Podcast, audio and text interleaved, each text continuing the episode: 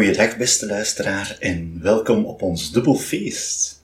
Wij vieren vandaag feest omdat we het tweede jaar van de podcast inzetten en ook omdat Herman die hierbij aan tafel zit, jarig is.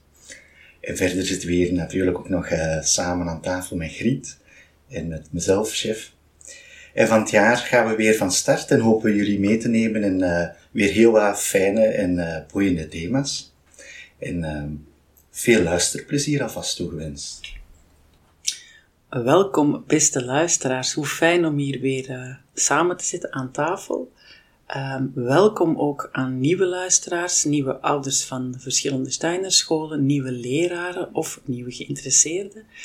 Um, en zoals jullie nog niet weten, heb ik altijd een vraag. En deze week, um, chef Herman, vraag ik mij af Stel dat iemand vraagt, of vroeger vroeg, aan wat is nu eigenlijk een Steinerschool? Wat zeg je dan eigenlijk? En nu kijk ik heel verwachtingsvol de tafel rond. Uh, wel, ik ga daar even op inpikken dat dat eigenlijk zo'n fijne vraag is. Ik, uh, ik heb zelf vroeger ook altijd op een Steinerschool gezeten. En dat is helemaal prima, want je hebt natuurlijk de meeste vrienden vanuit de Steinerschool en die weten dat. En dan ga je je sociaal leven wat verruimen. En dan kom je bij andere mensen terecht en eh, dan krijg je de vraag, ja, is dat dan zo'n school waar dat kinderen mogen doen wat ze willen en de hele tijd spelen? En dan, nee, nee, dat is dat niet. En dan probeer je dat weer uit te leggen. En uh, ja, dat is toch een best een stevige opgave, want er zijn zoveel kleine nuances waarin dat zit. Heel veel kleine dingen en heel veel grote dingen die onze schoolbeweging toch wel echt anders maken? Uh, dus ik denk dat dat een heel goede vraag is. Dus eigenlijk een compliment voor de vraag. Dank je, Om daar eens uh, verder op in, op, op in, te gaan. En ik denk, uh, ja, ik denk nu dat die vraag al, al wat makkelijker te, op te lossen is. Maar het is al wel een, heeft een grote inleiding nodig. Want dan moeten we eigenlijk teruggaan naar het beginstuk. En dan, dan speel ik dat weer graag even door, Herman. ik voelde erbij al, al hangen. Ja. ja ik, ik heb die vraag natuurlijk al heel veel keren op me afgekregen. En ik denk, als ik dat zou genoteerd hebben, wat ik antwoordde, dat dat een, een boekje vol is met telkens andere antwoorden. Je kunt immers de, de Steinere pedagogie op heel veel verschillende manieren beschrijven. Je kunt het beschrijven vanuit het standpunt van de leraar, vanuit het standpunt van het kind, het standpunt van de ouders, van de samenleving. Uh, ja, het is, uh, het is heel breed hoe dat je het kunt belichten. Uh, als ik het nu zo vanuit de inspiratie van dit moment zou belichten, uh, dan denk ik aan onze opstartdagen in augustus, waar dat we drie dagen lang met alle leraren, uh, van morgens tot s avonds, ons hebben opgewarmd om weer een nieuw schooljaar aan te vetten. En het thema was lessen in een Steiner uh, school zijn een kunstzinnig gebeuren. En ik denk dat, dat we daar even kunnen op inpikken. Dat is misschien een element, maar het is wel een heel belangrijk element. En waarom? Omdat kunst is per definitie een gebeuren waar je wel weet waar dat je begint, maar niet waar je op uitkomt. En dat is, dat is in die zin belangrijk dat wij een toekomstpedagogie zijn. Wij bestendigen niet het verleden, maar we werken aan het openmaken van een nieuwe toekomst die vruchtbaar mag zijn voor het individu, voor de, de gemeenschap, maar eigenlijk voor heel de wereld. Dat is een, een heel grote missie die we eigenlijk ons, ons opleggen. Namelijk dat we met onze pedagogie, vanaf de kleuters, peuters tot en met de twaalfde klassers, dat we eraan werken dat deze kinderen in de toekomst gist kunnen zijn voor een nieuwe samenleving. En zeker in, als ik bedenk in deze tijd, uh, volgende week vieren we Michaelsfeest. En die figuur van Michael is ook heel bijzonder. Je kunt zeggen, ja, maar we gaan nu toch niet over aardsengelen beginnen. En, en, maar Michael staat eigenlijk voor vernieuwing. En die vernieuwing, daar moet aan gewerkt worden, moet voor gestreden worden. Ja. We zien heel veel dingen in de samenleving die moeilijk lopen, die uh, het gevolg zijn misschien van een te eng gerichte kijk op wat de mens is. We zijn zeer materialistisch en daardoor ook een stukje egoïstisch beginnen leven ten koste van het klimaat, de natuur. Er, er is de concurrentie is nog nooit zo groot geweest. armoede, rijkdom en armoede als gevolg. Je kunt heel veel zaken opsommen waar dat we zeggen, de vooruitgang van de wereld is tegelijkertijd ook een enorme achteruitgang geworden in menselijkheid. En ik hoop en ik denk en ik ben ervan overtuigd dat wij met onze school, met onze leerlingen een weg gaan die die toekomst terug openmaakt, of terug of meer openmaakt. En dat de uh, jongeren in hun later beroepsleven ja, zo lichtpuntjes kunnen zijn van vernieuwing, van uh, zich openstellen voor datgene wat nodig is, opdat elke mens hier op aarde zijn plaatsje mag krijgen. Dus het, het, is, eigenlijk een, een, een heel hoge missie die we aangaan. En dan eh, zullen sommige mensen zeggen, is dat niet wat zweverig is dat... Maar we maken dat heel concreet. We maken dat van kleins af aan heel concreet, hoe dat jongeren zich kunnen gaan openstellen, aan zichzelf werken, maar ook altijd oog blijven hebben voor de omgeving, voor de medemens, voor de medeleerling, uh, voor de omgeving. En ja, dat zou ik nu zeggen als vraag, wat is Steiner-pedagogie? Dan, dan, dan zou ik nu vooral benadrukken, het is een, een gericht zijn op een toekomst waar de hard moet voor gewerkt worden, opdat die menselijker en vreugdevoller en vredevoller zou kunnen worden. En de sleutel daartoe is dat wij uh, een, uh, een onderwijs aanbieden dat zeer, zeer breed is, niet gespecialiseerd. We zijn uh, een, een, een onderwijs waar dat de, de drie gebieden van de menselijke ziel gevoed worden. Niet alleen het hoofd, waar dat hoofd moet gevuld worden, dat denken moet ontwikkeld worden. Maar aan de andere kant moet de wil, de, de daadkracht, de wilskracht ontwikkeld worden.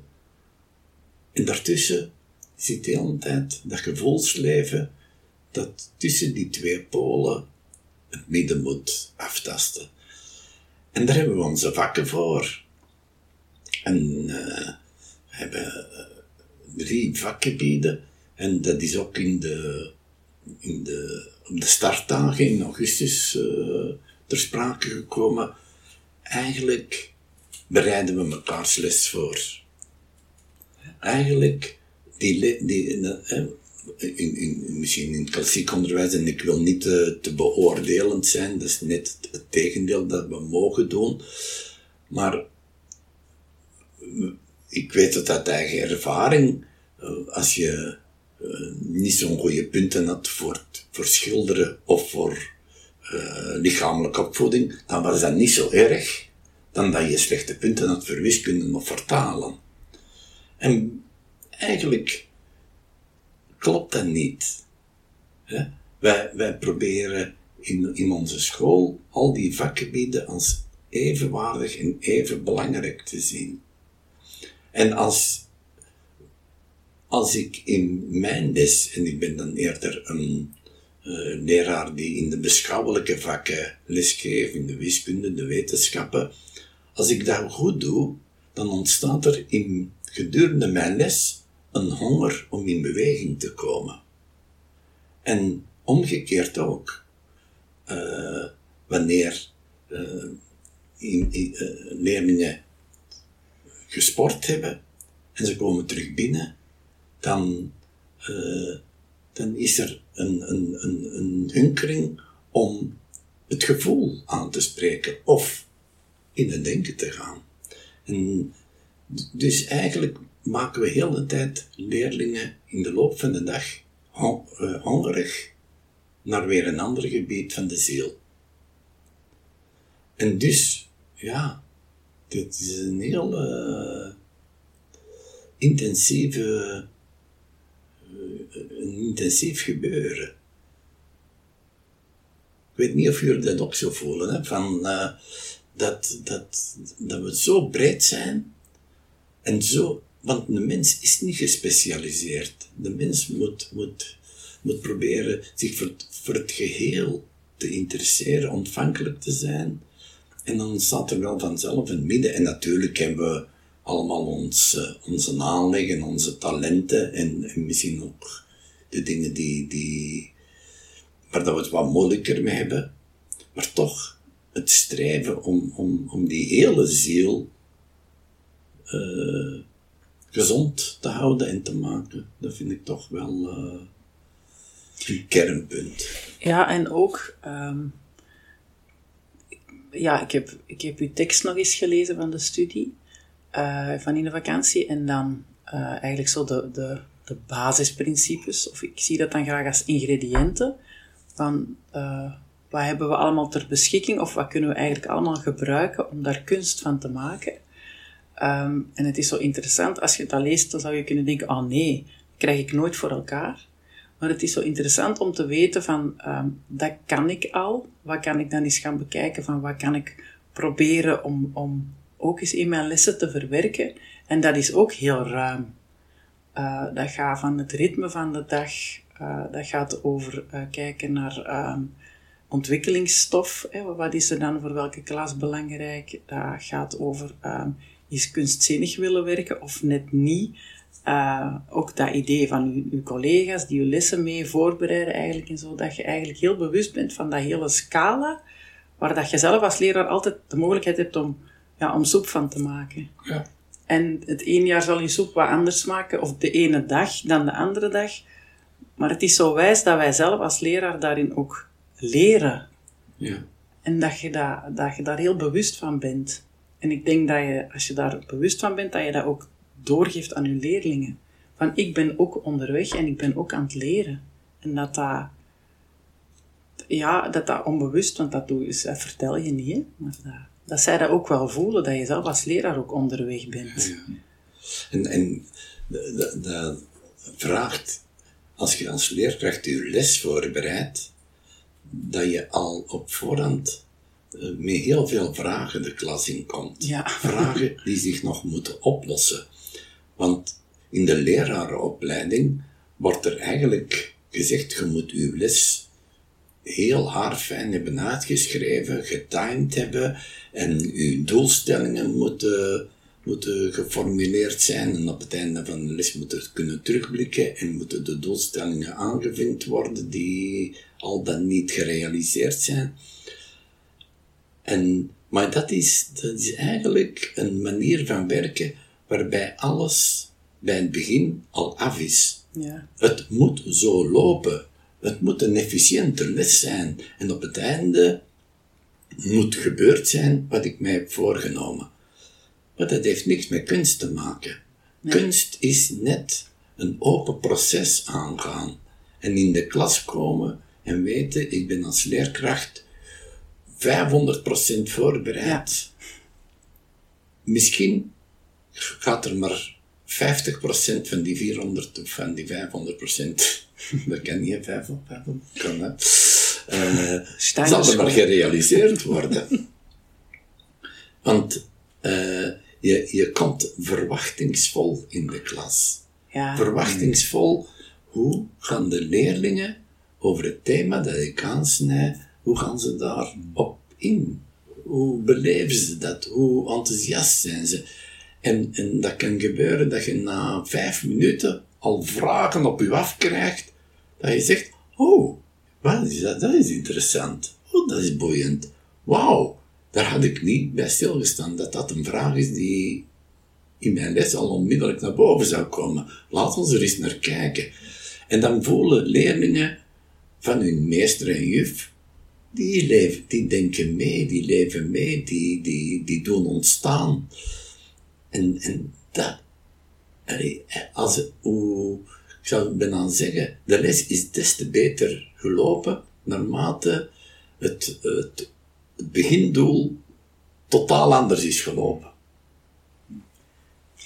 ja, jij- jij maakt er constant, zeker in, in, in zo'n zeven en klas, en jij bent een echte verteller, eh, maar je vertelt om dingen gewoon los te maken. Ja, met dat je er zo aan het vertellen bent naar kunstzinnige, hè, het kunstzinnige van het lesgeven en ook de vraag wat heeft de ziel nodig, dat, z- dat zullen jullie ook zeker herkennen.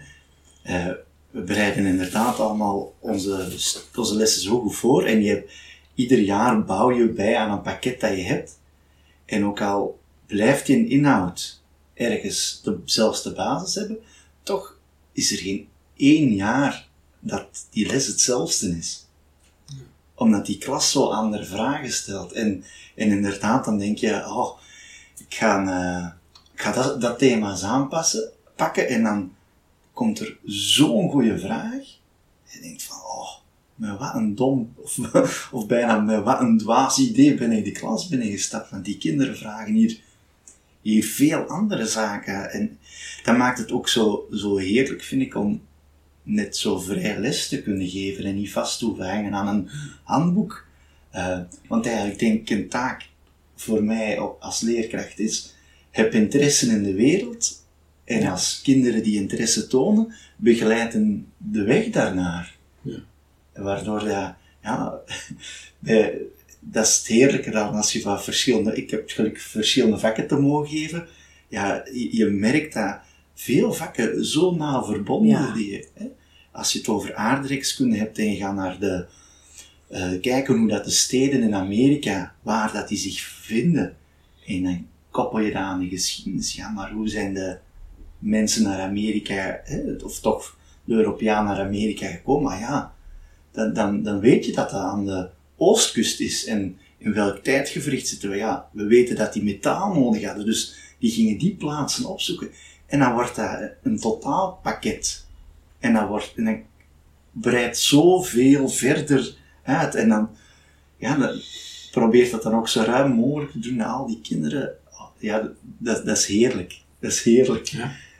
En, en eh, dat is een van de gevaren dat leraren met zich meebrengen. Dat is, ik heb die les al een paar keren gegeven, ik hoef die niet meer voor te bereiden, ik draai op routine. En routine, dat wordt thuis in een fabriek. Daar moet je eh, efficiënt en routinematig werken. Eh, daar doe je ook arbeidsdeling. Hè. Eh, De ene doet alleen maar het boren van de gaatjes, de andere eh schuift het in elkaar. En dat moet heel snel kunnen gaan. Maar opvoeding en, en, en onderwijs in onze pedagogie vraagt net om, om het routinematige te doorbreken en het leven erin te brengen. Het moet levendig zijn. Beleving.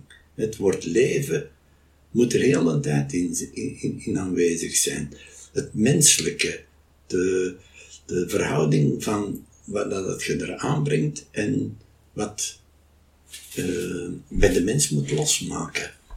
Ja, en het is ook zo, eh, met dat beeld van die kunstenaar, ik vind het heerlijk om lessen voor te bereiden, maar eigenlijk jezelf onder te dompelen. En voor mij is dat eigenlijk een kunstenaar die zegt, ik ga schilderen en ik ga op zoek naar de kleuren die ik wil gebruiken. Uh, en welke penselen. En dan allerlei materiaal klaarleggen.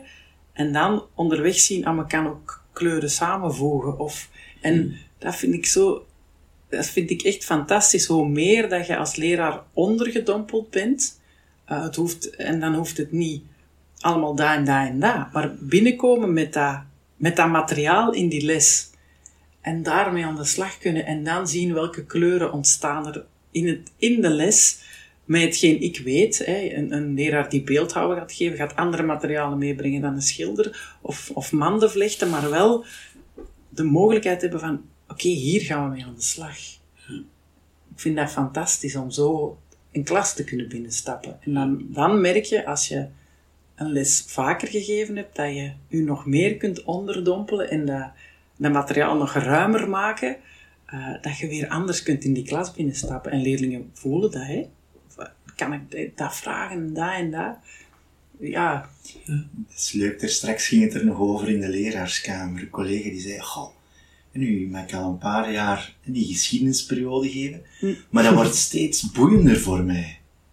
En de leerlingen uh, voelen dat ook en die surfen daarop mee, op die, de golf van, oh, enthousiasme. Ja, omdat je, het eerste jaar, ja, je moet, dat is spannend, uh, en je, je zorgt dat je meer dan genoeg voorbereid hebt. En dan het volgend jaar kunnen we daarop uh, op verder bouwen en, en het wordt alsmaar groter. En en zo heerlijk. Om, omdat, er, uh, omdat je ook je, bad van, waarin dat je onderdompelt wordt groter en het wordt comfortabeler om die zijstappen en los te durven komen. Hè? Ja. Want dat is het soms ook. Ik kan me dat nog heel voorstellen toen ik in de leraaropleiding zat. We moesten dat zo krampachtig in een rechte lijn van start tot, tot die doelstellingen gaan. Dan. Maar nu, als ik durf loslaten, dat is heerlijk. En je basis is er, en dan, ja. En dat vraagt ook, ja, hoe is ook dat kunsten, ah, ja. een kunstenaar moet doen, ja. even los, loslaten en in een ontwikkeling gaan. Hè. Ik denk, als je naar alle kunstenaars kijkt, hoe dan een Picasso begonnen is en zich telkens opnieuw heeft moeten gaan uitvinden of gaan, gaan herbronnen tot tot, tot een bepaald beeld. Maar die, het is tegelijkertijd loslaten en toch moedig durven gaan. Ja. Want een kunstenaar die voor zijn doek zit of voor zijn uh, stronk hout en er moet een beeld uitkomen en die zit daarop te kijken, ja. ja, dat beeld komt daar niet uit. Dus je moet ook wel durven uw guts te nemen en uw hamer en je moet beginnen de eerste pellen eraf te halen en, en door het proces dat je gestart bent, word je bijna met je handen gewezen naar de volgende stappen die je moet zetten. Maar niets doen. Dus ik, ik, ik, ik ben ervan overtuigd, een leraar in de Steinerschool moet durven loslaten, maar moet ook heel goed innerlijk bewust zijn van wat wil ik hier eigenlijk in dit jaar op deze leeftijd bereiken. Ja, en dat is die pedagogie eigenlijk, die die lijn uitzet. Hè? Ja. Want eh, met de vraag, wat is nu eigenlijk een Steinerschool? Dan denk ik aan een scholenbeurs, waar wij elk jaar staan. En dan komen mensen en dan zeggen die, vertel eens, wat is jullie school eigenlijk? Um, en dan, hetgeen ik dan vertel, is eigenlijk um, dat wij leerstof zien als ontwikkelingsstof. Maar dat is een heel duidelijke lijn binnen al mijn materiaal dat ik verzamel uh, waarbinnen ik toch in een kader blijf. Mhm. Want dan weet ik, als ik een les voorbereid voor de 11e klas, um, dan mag dezelfde materie zijn als voor de 12e klas, bij wijze van spreken, maar ik ga iets anders doen met die klas, omdat die klas iets anders vraagt. Ja. En dat, is, dat vind ik zo interessant, dat je gaat kijken, leerstof helpt kinderen of jongeren ontwikkelen. Mhm. Niet hun hoofd vullen, maar gewoon helpen om, om op dit moment wie zij nu zijn, wat hebben zij nodig om te ontwikkelen tot die mooie mensen die misschien eens een steen gaan verleggen in die rivier. En dat zijn zo'n aantal dingen die de pedagogie aanbiedt, ehm, al heel lang, waarbinnen dat je wel kan blijven met je materiaal. Ja. En dat, dat is voor mij, denk ik, een van de belangrijkste kernen eh, van, van onze pedagogie. Ja, en ik kan nu even de andere kant toch ook eh, ter sprake brengen, want het zou de indruk kunnen wekken dat je bij ons in de school dat niks hoeft en dat alles Nee. kan. Eh, je hebt het ook gezegd, de chef, eh, dat is een beeld dat men heeft van, van de Ja. Steinerschool, een beetje laissez-faire en, en alles is goed. En, maar wij willen met de weg die wij gaan ook wel dat de leerlingen kennis verwerven. En dat ze, dat ze hoe weten wat dat er leeft in de wereld. En dat er ook bepaalde dingen zijn die nu een keer machtig moet worden. Ja? Eh, ik, denk aan, aan, aan, de wiskunde. Je, je, je moet op een bepaald moment wel dingen ontwikkelen en daarvoor heb je de kennis van de vorige jaren nodig. Dus dat moet ook wel komen te zitten. Dat moeten vaardigheden worden. Dus wij moeten ook niet vies zijn om op een bepaald moment ook het meetbare van de kennis te peilen.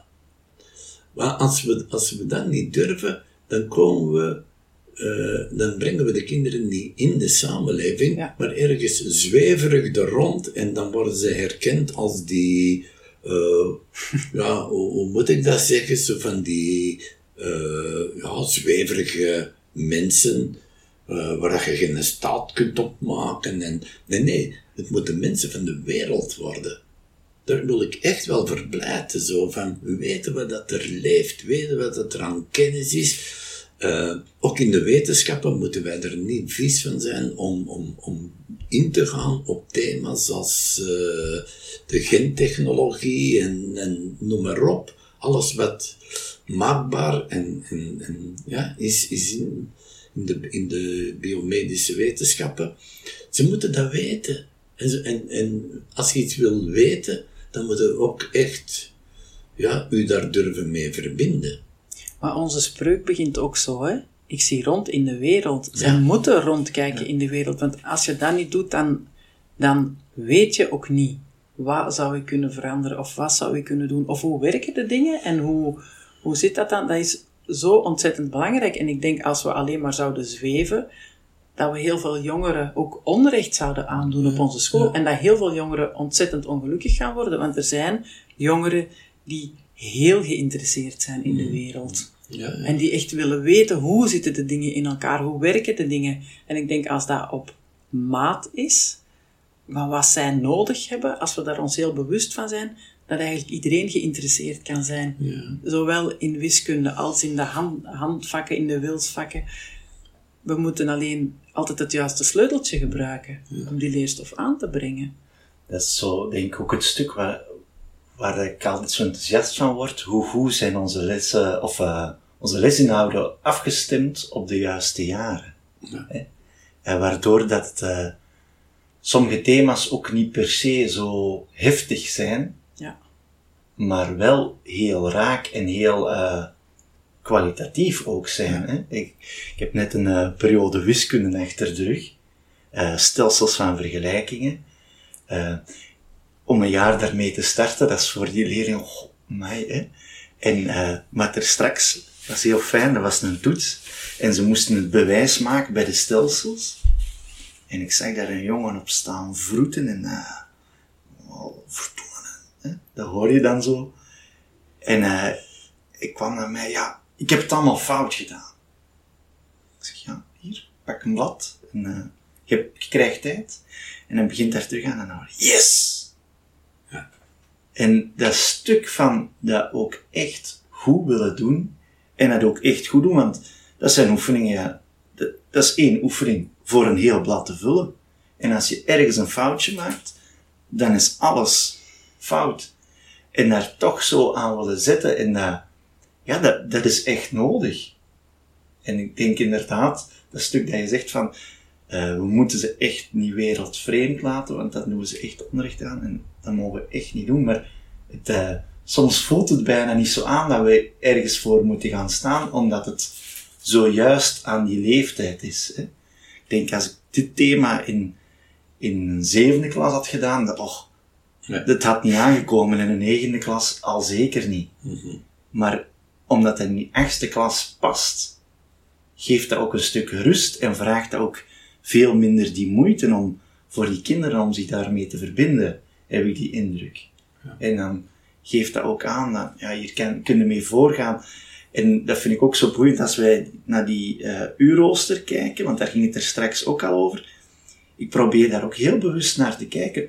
Welk vak moet je nu wanneer plaatsen, zodat dat juist is. Hè? We hebben twee periodes geschiedenis, in klas 8 bijvoorbeeld.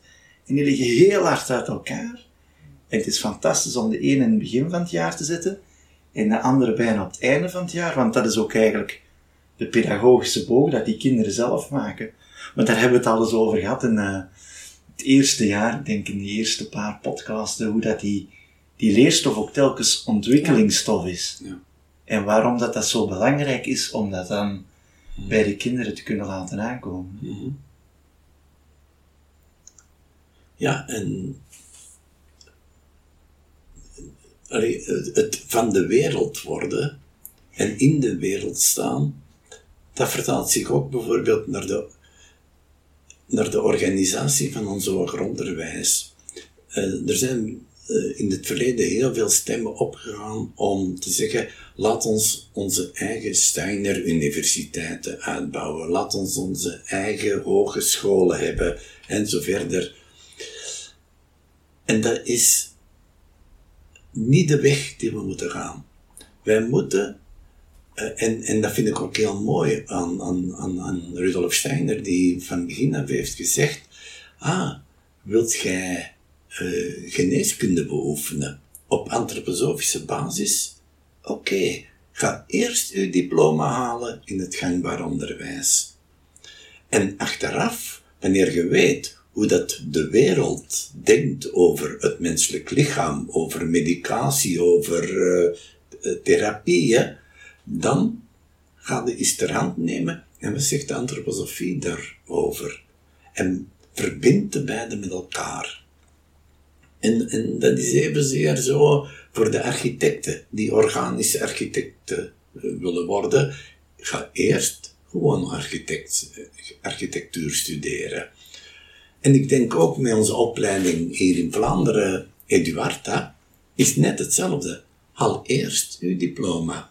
En dan gaan we het met elkaar verbinden. Want dan weet je wat er in de wereld aanwezig is. En je kunt alleen maar bevruchten door, door de studie van, van, van de antroposofie. Maar als je onmiddellijk alleen maar in dat antroposofisch wereldje stapt, weet je niet wat dat er echt leeft. Dus dat is het mooie. Antroposofie is constant de verbinding leggen tussen enerzijds het extreem materiële denken en anderzijds het spirituele denken. Maar allebei zijn uitersten. En je moet ze beide met elkaar verbinden. Dus verbondenheid, verbinden, is ook weer, dat zou ook weer het antwoord kunnen zijn, is Steiner-pedagogie? Dat is alles met elkaar tot verbinding brengen. En niet specialiseren. Ja, en ook soms, ehm, het, en dat is ook dat verbinden of het in evenwicht brengen van die dingen. Eh, onze jongeren in de 11e klas eh, maken de keuze voor hun eindwerk. Ehm, en zij moeten die keuze nu maken. En er zijn er echt die zeggen, maar ik weet het niet. En die dan zo twee thema's hebben gekozen die ontzettend ver uit elkaar liggen. Ehm, die dan komen vragen, wat moet ik dan doen? En, en, en, dat wij dan durven zeggen, twijfel maar even. Zoek het gewoon uit en, en ga, ga het onderzoeken. Je moet dat nu nog niet zeker weten. Je moogt dat onderzoeken. En dan dat die echt verwonderd zijn van, ja, maar mag ik, mag ik daar dan over twijfelen? Tuurlijk, je moet daarover twijfelen. Maar dat de maatschappij vaak van jongeren al verwacht dat ze het zo goed weten. Dat ze eigenlijk vanaf die elfde klas, hè, wat ga je doen na het middelbaar, dat ze eigenlijk al echt weten van, ja, en zo, en dat is mijn plan, en dan en dan. Maar dat ze eigenlijk nog eerst moeten durven onderzoeken. En twijfelen en het niet weten. En, en dan vind ik dat fijn vanuit de pedagogie te weten. Stimuleer ze maar om te twijfelen. Om het niet zeker te weten. En dat is dan niet zeggen de anderen zijn fout, maar dat er tegenover plaatsen. Van kijk, zoek het uit. En, en Het geeft ook een heel hard appel even om zelfstudie te Ah, gaan ja. doen. Hè? Ah, ja. want twijfel is ook onderzoeken. Hè? Het twijfel is niet stil blijven staan. Ja. Ja, en dat is, ja, ik denk dat dat, dat aanvullend stukje ook heel belangrijk is voor de jongeren die bij ons op school Het is zitten. toch wel bijzonder, hè? Dat je mag zeggen als leerkracht, je mag twijfelen. Dat is toch, dat nemen ze mee voor het leven. En, en, en in een eh zeven, achtste klas vraag je nog niet naar een mening of naar een oordeel, omdat dat alleen maar vooroordelen kunnen zijn. Ze zijn nog niet op dat punt dat ze iets kunnen beoordelen, dan vraag je er ook niet achter. Beleef het. Geniet ervan. Wees verwonderd. Dat zijn de kwaliteiten die je in de middenbouw moet, moet heel de tijd eh, ontwikkelen. Het zijn toch... Ah ja, ik, ik, ik kan er alleen maar ontzettend enthousiast over zijn dat wij zo met de kinderen aan de slag mogen gaan. Ja? En dat de... Goh, ik vind het altijd ontzettend moeilijk om iets af te vinken. Ik, die, die eindtermen, die moeten da- ten eerste is het onbegrijpelijke taal. En ten tweede, goh, wanneer mag je iets afvinken? Ja. En hoe meet je dat? Hoe meet je dat? Terwijl dat je als leraar op andere manieren perfect kunt aanvoelen of een kind in zijn ontwikkeling gezond mee is, of hapert, of achterblijft. Ja, maar daar moeten wij geen aanvinksysteem voor hebben. Nee. En, en het systeem dat wij...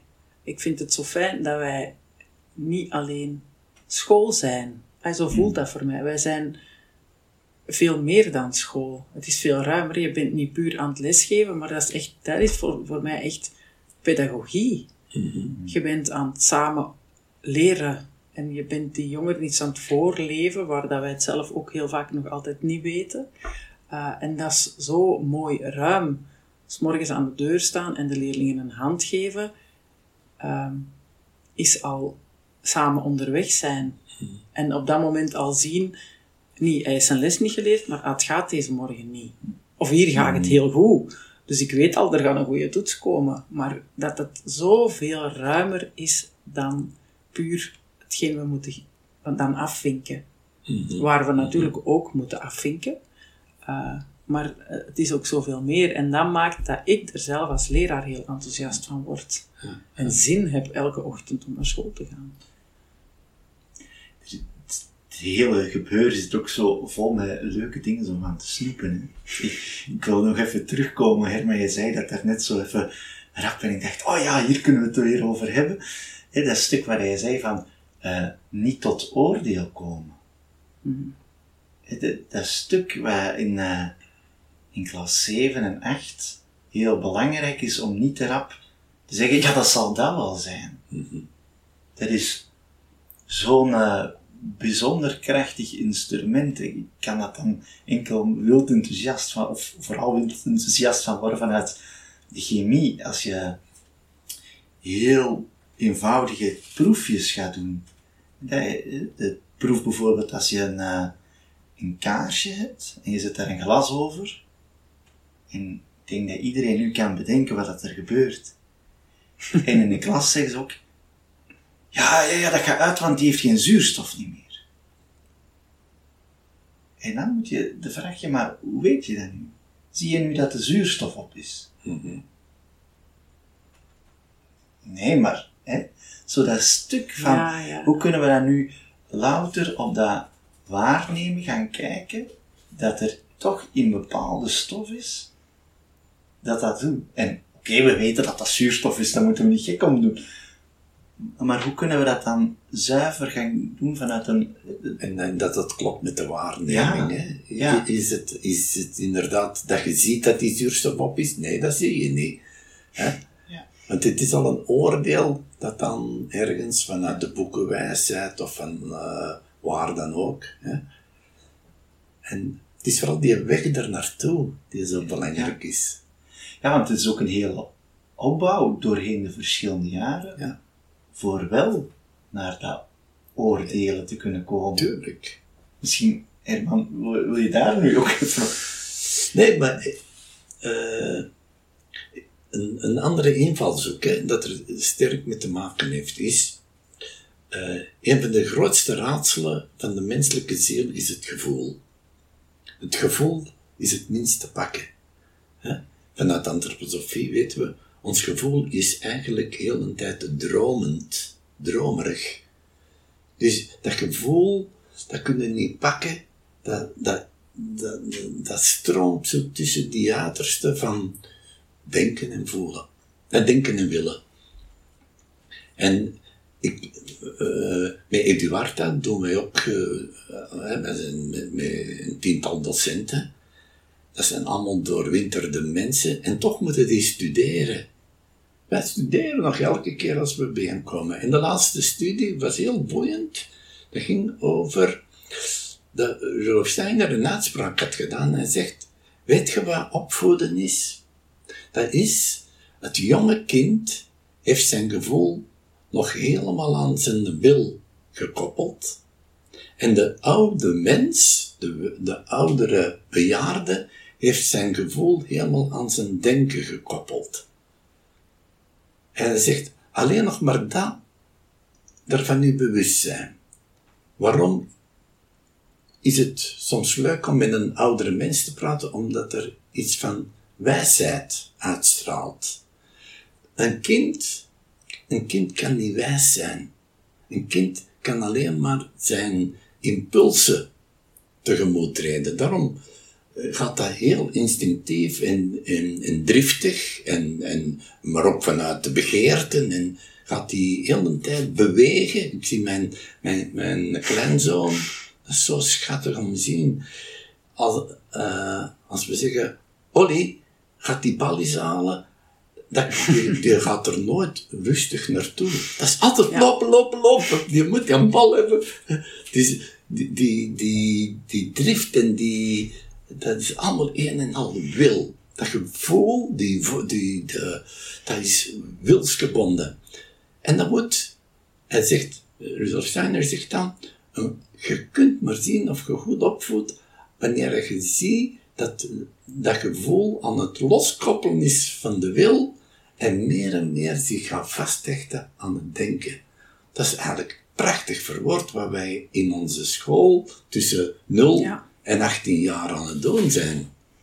Ja? En dan bij 18 jaar is dat nog heel, kan dat nog heel wilsgebonden zijn. Krijg, hè, dan hebben we nog een heel leven voor u om dat verder af te werken. Maar zulke gedachten, hè, dat is als, als leraar enorm waardevol om daarbij stil te staan. Dat het om polariteiten gaat en om een proces dat er zich daartussen moet afspelen.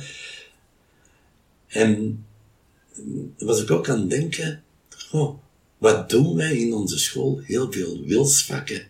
Net om die wil niet meer onbewust en instinctmatig te laten zijn, maar ja. heel bewust als ik zie bij meester Sven hoe dat ze in de schrijnwerkerij uh, heel exact soms met, moeten werken en, of, of, of in een andere vak, dan denk ik, ja, dat is scholing van de wil. De wil die moet, die moet gekanaliseerd worden.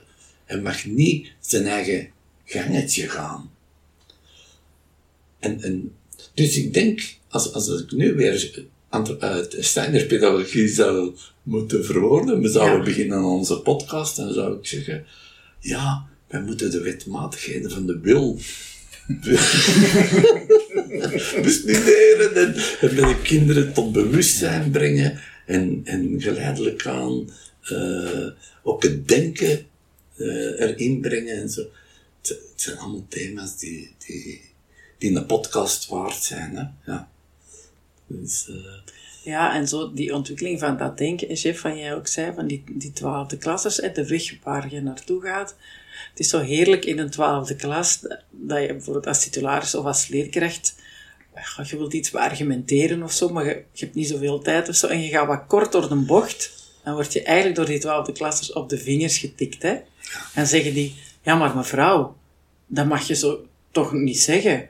Je moet toch eigenlijk ook daar naar kijken of daar naar kijken. En in jezelf denk je dan, oh, jammer, ik heb niet meer veel tijd. Maar anderzijds denk je dan, wauw, ze zijn onderweg. Ze hebben gelijk. Is het echt waar? En het is zo, ja, het is fantastisch dat je dan zelf ook moet denken, ah, ja, oké, vertel eens. Ja, maar en, ja, en je krijgt het niet meer zo verkocht in een twaalfde klas. En dat is heerlijk Nee, dat ze daar aangekomen zijn. dat klopt. Dat is, eh, zij wijzen echt u de weg, hè. Ja. Als je even er wilt van afwijken, oh, oh, oh. Ja. Ja.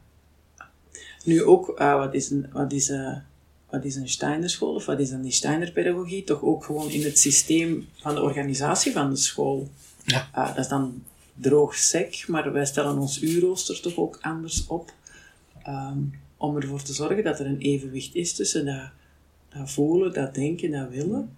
eh, waar we vooral in de in 7, 8, 9 dan nog proberen heel consequent in het uurrooster toe te passen. In de Ja. hogere jaren durven we er al eens van afwijken, maar dat we eh, periodeonderwijs organiseren, hè, waar het denken voornamelijk toch gestimuleerd wordt, en dan het afwisselen met, het, met de wilsvakken, met de gevoelsvakken. Eh, dat is toch heel eigen ook aan ons systeem, En vormelijk. gisteren eh, hadden wij met de, de school ook een, eh, een ouderavond, dat stuk ook. Ja, hè? dat stuk Denk ook. school als gemeenschap. Hè? Wij, Ja. eh, met de middelbare Michael School staan we voor een uitdaging. We gaan verbouwen. En waarin dat wij zeggen van, we gaan dat samen met ouders doen. Het gebouw, of het gebouw is niet mogelijk als we daar niet met ouders aan werken. En eh, ik mocht dat dan in de klasse gaan, of in mijn klas vertellen. En eh, dat was voor mij bijna ontroerend om te zien hoeveel ouders dat zeiden van, oh ja, wij komen heel graag meerdere dagen meewerken. En ik kijk daar echt nu naar uit om met die ouders van mijn klas gewoon die zaterdagen handen uit de mouwen te steken en niet enkel erover na te denken, maar echt samen school maken. En, School bouwen. ja, ja, Ja. ja. en dat, zo dat, ja, dat is ook echt gemeenschapsvorming. Hè? Eh, er, er zijn leerlingen die daar ook al enthousiast voor zijn. Die eigenlijk al zeggen, goh, die zaterdag, ik kom heel graag meewerken. En dat vind ik wel een, eh, een heel bijzonder iets. En daar, ga ik nog even iets over zeggen. We hadden van het jaar, omdat we dan even verhuisd waren, om eh, in het andere gebouw de nodige verbouwingswerken te kunnen doen, hadden wij een opwarmingsavond waarin dat de ouders het nieuw gebouw konden zien. En de leerlingen die wouden, mochten ook meekomen. Dat was nog in de vakantie, maar dat, het liep er vol met leerlingen, omdat die naar school wouden komen. Omdat die elkaar terug wouden ontmoeten. En dat maakt dat, vind ik, zo bijzonder en zo warm, dat leerlingen zeggen, ik wil naar school komen voor die menselijke ontmoeting. En eh, ik doe dat ook met mijn ouderavond, dan vraag ik altijd, en, en hoe is het rondje, eh, hoe komt je kind thuis? En dan hoor je, ja, eigenlijk wel opgewekt. En ze vertrekken heel goed, wel vooral voor met de mensen samen te zijn. Maar dat schoolstuk pakken die er ook met veel plezier bij. En dus die, die komen voor die gemeenschap. En het feit dat, dat ik die met huiswerk naar huis stuur, of bestook met lastige vragen, of wat dan ook, dat maakt voor hun niet uit. Want het is een gemeenschap. En dat is zo krachtig. Ik heb dat toen verteld op de, op de startdag ook. Eh, ik had eh, in vakantie nogal veel gelezen over die, die allereerste school eh, in Stuttgart in 1919. En Rudolf Steiner eh, kwam af en toe in die school om raad te geven. En dan sprak hij tot de leerlingen. Ja. En ik heb dat ook verteld.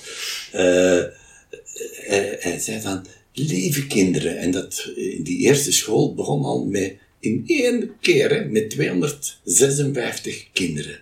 Van de eerste leerjaar tot de achtste klas.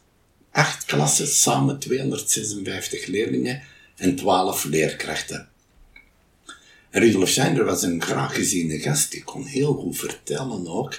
En, hij- en eh, hij maakte er een erezaak van dat hij elke keer als hij het woord nam bij een begin van een schooljaar of bij een jaarfeest, dan zei hij, lieve kinderen, houden jullie van jullie leerkrachten? En dan riepen die 256 kinderen, ja!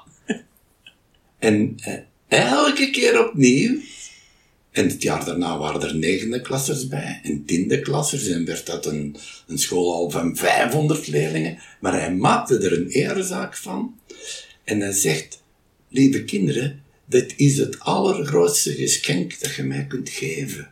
Dat jullie houden van jullie, jullie leraren. Want ik weet, jullie leraren houden zielsveel van jullie. En dat is nu weer zoiets, een, een element, vraag wat die Steiner pedagogiek. Wel, dat zou ik zeggen, van elkaar houden. Ook van de lastige kanten. Hè? En er kunnen, uh, er ook wel eens kunnen ambetant van zijn. Hè? Van iemand die onbeleefd is geweest, of iemand die weer zijn huistaak niet heeft gemaakt. Maar in wezen, fundamenteel is, ik zie jullie graag. En ik laat jullie niet los. Dat is toch ook weer een element. En ik zeg niet dat dat in het gewoon onderwijs niet bestaat. Hè. Nee, Wil ik zeker niet laten horen. Maar het is wel zeker aanwezig in onze school. En we gaan het niet riskeren van te vragen. Houden jullie van jullie leerkrachten? Ik wou ook nog zeggen, dat is, dat is 100 jaar geleden. Ja, ja, ja, ja. maar dat ze komen werken op een werkdag, is toch omdat ze die school in hun hart dragen. Ja, ja, het is mooi dat je dat zegt, want eigenlijk gisteren uh, kwam per ongeluk een oud leerling aan op de school. En ik vond dat zo fijn om die terug te zien. En die kwamen naar me toe en dat was ook gelijk een knuffel. Ja. En dat is, ja, dat is echt wel echt. Ik kan ook echt zien. Ik zeg dat thuis ook uh, aan mijn jongens. Ik, twee jongen, uh, Gus die zet ik dan s ochtends in de kleuterklas af. Dan zeg ik, ja, nu moet ik me wel spoeien, want nu moet ik naar mijn grote kinderen. Ja, ja. Dat zijn ook mijn kinderen, zo, zo dat stuk. Uh, ja. ja. Ja, maar uh, wij zitten nu met de school toch op een andere locatie. Um, waar een prachtige plek is om te zitten, waar we ook echt heel warm onthaald zijn. Brengt ook de nodige uitdaging met zich mee, maar het is een heel fijne plek. En we hadden het er met de directie over um, dat wij soms onze leerlingen in naar huis krijgen. Dat wij soms echt vorig jaar op onze oude school, na een half uur nadat school gedaan was, moesten gaan zeggen: Mannen, willen jullie naar huis gaan? Want wij willen eigenlijk ook naar huis. En ze zei, oei, ja, dat is hier niet. De, de, Belga, we doen ons ogen dicht, we doen die terug open en heel de school is leeg. dus het, het feit dat die ook zo blijven plakken op school, dat is ook zo'n gek gegeven. Maar die zijn daar graag. Hmm. Ja. Maar ja, de gemeenschapsvorming is ook weer die verbinding. Hè? Ja.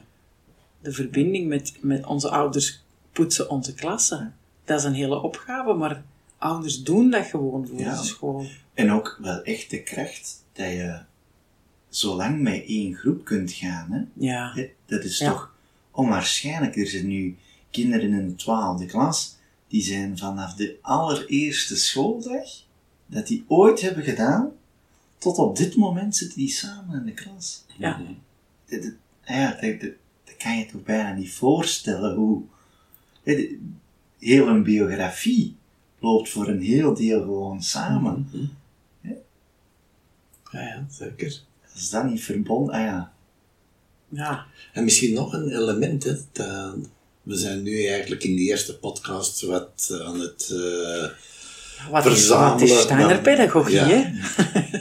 en uh, toch een element dat we niet mogen vergeten is, wij hebben geen hiërarchische structuur. Ja, het is een collegiaal gebeuren, evenzeer met ouders. Ouders zitten mee in het dagelijks bestuur, plaatselijk bestuur, maar de leraren zijn bij alles betrokken. Elke donderdag wordt er vergaderd, intens vergaderd. Op dinsdag wordt er ook nog eens een keer extra vergaderd eh, of samengewerkt. En uh, er is geen, geen uh, verticale structuur. Natuurlijk zijn er mensen gevraagd om een bepaalde verantwoordelijkheid op zich te nemen, omdat je als leraar er de tijd niet voor kunt hebben, misschien ook niet de capaciteit ervoor hebt. Maar er zijn dingen die moeten uitgevoerd worden. Ja, ik ben echt blij dat we in Turnhout een uh, collegiaal bestuur hebben kunnen opzetten, uh, waarin dat vooral drie mensen het voortouw nemen maar waar dat de anderen toch heel sterk bij verbonden zijn. En die drie gebieden, of die drie mensen, daar zouden we ook wel eens een keer kunnen over spreken, want dat is een weerspiegeling van wat er zich in de samenleving afspeelt. Namelijk, er zijn principes waar dat de mens uh, gelijk moet behandeld worden met elke andere burger. Dat gelijkheidsprincipe. Maar aan de andere kant hebben we het vrijheidsprincipe. Dat iedereen zichzelf mag zijn. Dat iedereen zijn eigen uh, cultuur en talenten mag, uh, mag tonen. En we hebben nog een derde gebied, dat is hoe gaat je in die samenleving broederlijk met elkaar om? En dat vind ik echt fijn, dat elk probleem of elke vraag die zich stelt binnen de school, door, door dat team op die drie manieren wordt bekeken. En ik denk dat dat ook uh, de kracht en de toekomst van onze school zal zijn. Van, we zijn een afspiegeling van een samenleving waar dat heel goed nauw wordt gelet op het gescheiden houden van de principes. Want voor bepaalde dingen mag je niet gelijk behandeld worden. En voor andere dingen mag je het niet broederlijk onder de mat vegen en zo verder. Dus dat is wel een thema dat, we, dat, dat ik zeer uh, belangrijk vind en waar dat we wel eens dieper kunnen op ingaan.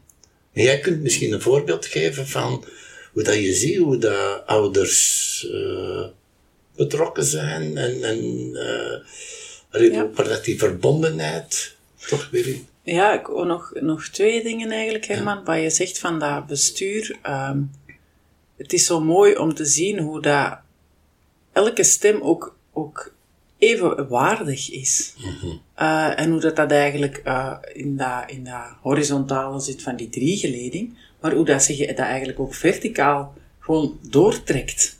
Um, het plaatselijk bestuur, waar ook echt ouders in zetelen, die stem is even belangrijk maar ook leraren.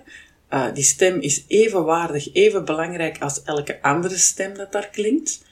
Uh, maar ook in ons college, waar we echt proberen om alles wat, wat, van, wat besloten moet worden op terug te koppelen en daar samen naar te kijken, waar iedereen evenveel veel stem heeft. En gisteren hadden we een ouderavond en het was zo mooi.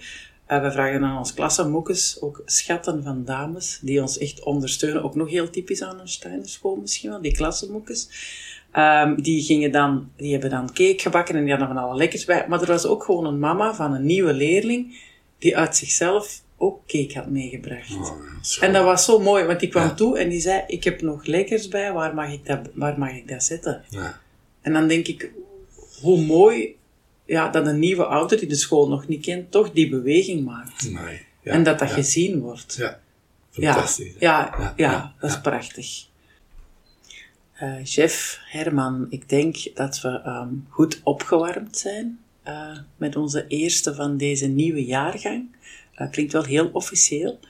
Um, ik denk ook dat er heel veel interessante thema's weer zijn aangeraakt waar we dit, dit jaar het samen eens kunnen over hebben. Maar we hebben een vraag van een ouder. Herman, die ging jij even verduidelijken. Ja, ja een, een moeder vroeg, naar aanleiding van een artikel dat in de Vrijdagpost was verschenen, hoe uh, doen jullie dat om de kinderen in deze tijd zich te leren terughouden in het oordelen? Anderzijds moeten we ze wel brengen tot oordeelskrachtige mensen in de, in de twaalfde klas. Hoe maak je die overgang?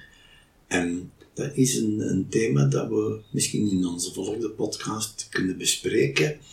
Wat we eigenlijk kennen binnen onze pedagogie en daarbuiten als de fenomenologische manier van werken. Werken met de fenomenen en hoe kom je van oordeelsvrij tot oordeelsvol denken. Oké, dankjewel. Um, ik denk dat we hier gaan afsluiten. Beste luisteraar, dankjewel om te luisteren. Um, mocht, u, mocht u jullie vragen hebben, mocht jullie um, thema's hebben voor een volgende podcast, mag je die altijd mailen naar ons nieuwe mailadres, chef. Dat laat ik aan jou over. Dat is vrijdag.podcast.msvturnout.be Oké, dankjewel, chef Herman. Tot de volgende. Tot volgende maand.